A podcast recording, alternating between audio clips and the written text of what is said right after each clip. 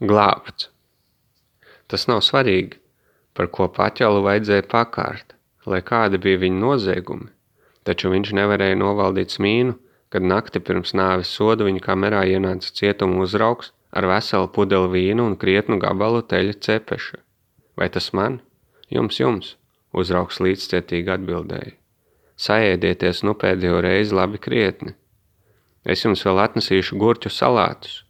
Visu uzreiz nevarēju paņemt. Es tūliņ atgriezīšos. Paķeršu baltmaizi arī un būšu mirklī atpakaļ. Paķels omulīgi piesēdās pie galda un smīnēdams sāka ar baudu ēst teļa cepeti. Kā redzams, viņš bija ciniķis. Citiem vārdiem izsakoties cilvēks ar veselīgu saprātu, kurš centās ņemt no dzīves visu, ko tā varēja dot tais skaitītajās stundās, kuras tiesa bija atstājusi viņa rīcībā. Tikai viena doma mazliet traucēja viņa labsajūtu, proti, ka tie visi tie cilvēki, kas viņam šorīt bija paziņojuši, ka viņa lūgums pēc apžēlošanas noraidīts un sprieduma izpildīšana atlikt uz 24 stundām, lai notiesātais varētu pienācīgi sagatavoties uz nāvis sodu un nokārtot savas tiesiskās darīšanas, ka visi šie cilvēki, kuri rīt viņu sodīs un pakārs, kuri redzēs viņa nāvi, ka visi šie cilvēki rīt, parīt un vēl ilgi pēc tam dzīvos netraucēti, mierīgi un atgriezīsies pie savām ģimenēm, kamēr viņa paķela vairs nebūs starp dzīvajiem. Tā prātodams, viņš ēda teļa cepeti, un, kad atnesa salātus un baltmaizi, viņš nopūtās un izsacīja vēlēšanos izsmēķēt kādu pīpi tabakas. Viņa vajadzībām tuliņ nopirka māla pīpi un tabakas maisījumu. Parastos trīs karaļus un knasteru, lai izpīpojas pēc patikas. Uzraugs pats pasniedz viņam uzrautu sērkociņu un atgādināja nezaudēt paļaušanos uz Dieva bezgalīgo žēlsirdību. Ja arī zemes virsū viss ir pazaudēts, tad vēl nekas nav pazaudēts debesīs. Notiesātais palūdza atnest vēl porciju šķīņķa un litru vīna. Dabūsiet, ko vien gribat, uzrauks apgalvoja. Cilvēkiem jūsu stāvoklī mēs neko nežēlojam. Tad atnesiet man arī vēl divas aknu desas un porciju galērta, un vēl es gribētu kādu litru melnā alus. Dabūsiet visu, es tūliņ aizsūtīšu pakaļ. Uzraugs laipni atsaucās – Kāpēc neiepriecināt cilvēku? Dzīve jau tā ir īsa, tāpēc jāņem viss, ko no tās var paņemt.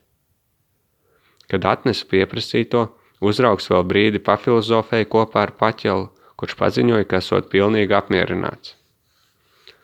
Sasodīts, viņš noteica, kad bija visu apēdis. Man uznāca kāre pēc Debrinicas cepeša, gorgonzolas siera, sardīnēm eļā un citām delikatesēm. Dabūsiet visu, ko vien vēlaties. Man pašam no sirds prieks, ka jums tā garšo. Ceru, ka jūs pirms rīta nepakārsieties. Es jau redzu, ka esat godīgs cilvēks. Un kas jums arī būtu par labumu, paķelkungs pakārties agrāk nekā to nolēmusi tiesa. Es jums saku, kā goda vīrs, tā nevajag darīt. Nu dienu nav ko runāt. Vai negribat vēl pudeli alus, vai varbūt divas? Alus šoreiz ir lielisks. Vislabāk to dzert pie siera.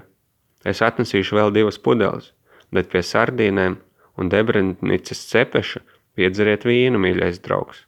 Tas vislabāk sadar kopā.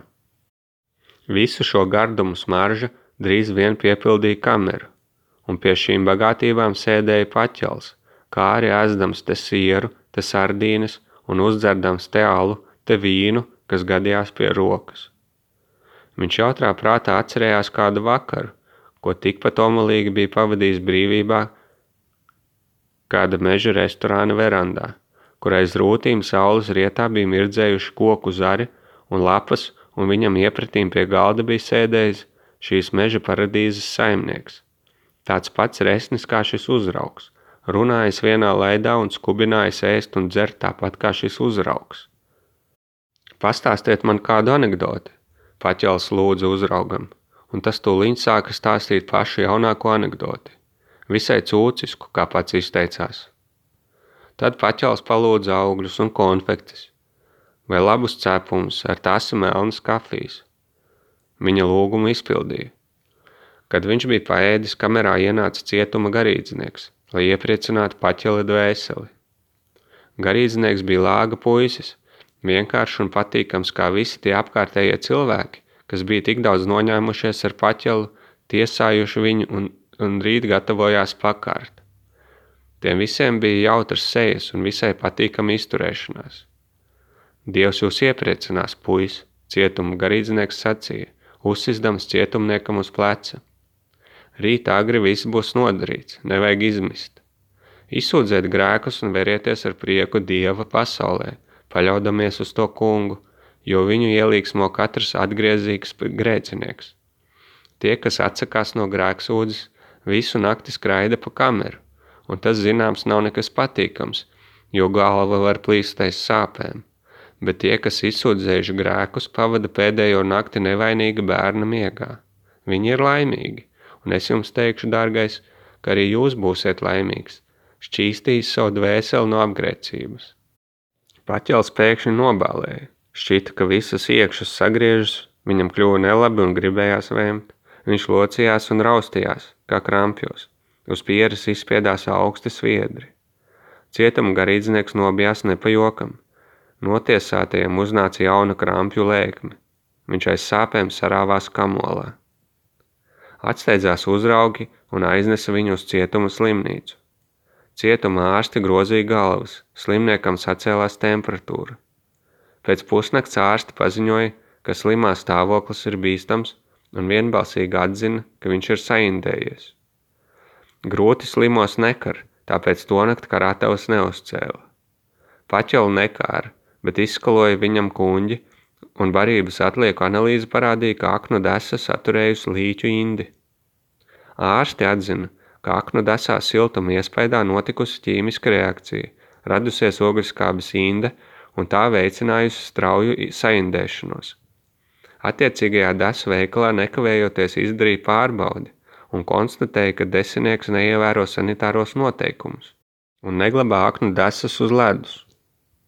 To visu paziņoja prokuroram, kurš ievadīja lietu pret desinieku par cilvēku veselības apdraudēšanu. Starp cietuma ārstiem, kur kopa paķelu, bija kāds jauns, godīgs ārsts, kurš izpētīja paķela saslimšanas gadījumu visos sīkumos un darīja visu, lai izglābtu paķela dzīvību, jo slimība bija visai grūta un interesanta. Dienu un nakti viņš pavadīja pie paķela gultas un beidzot pēc divām nedēļām varēja papliķēt slimniekam pa muguru un iesaukties: Jūs esat glābts! Otrā dienā paķela pakāra, kā pienākas, jo nu viņa organisms varēja izturēt cilpu. Desinieks, kurš ar savām aknu desām bija par 14 dienām paildzinājis paķela dzīvi, tika nosodīts ar trim nedēļām cietumsoda stingrā režīmā par cilvēku veselības apdraudēšanu. Ārsts, kurš bija izglābis paķelam dzīvību, izpelnījās priekšniecības uzslavu.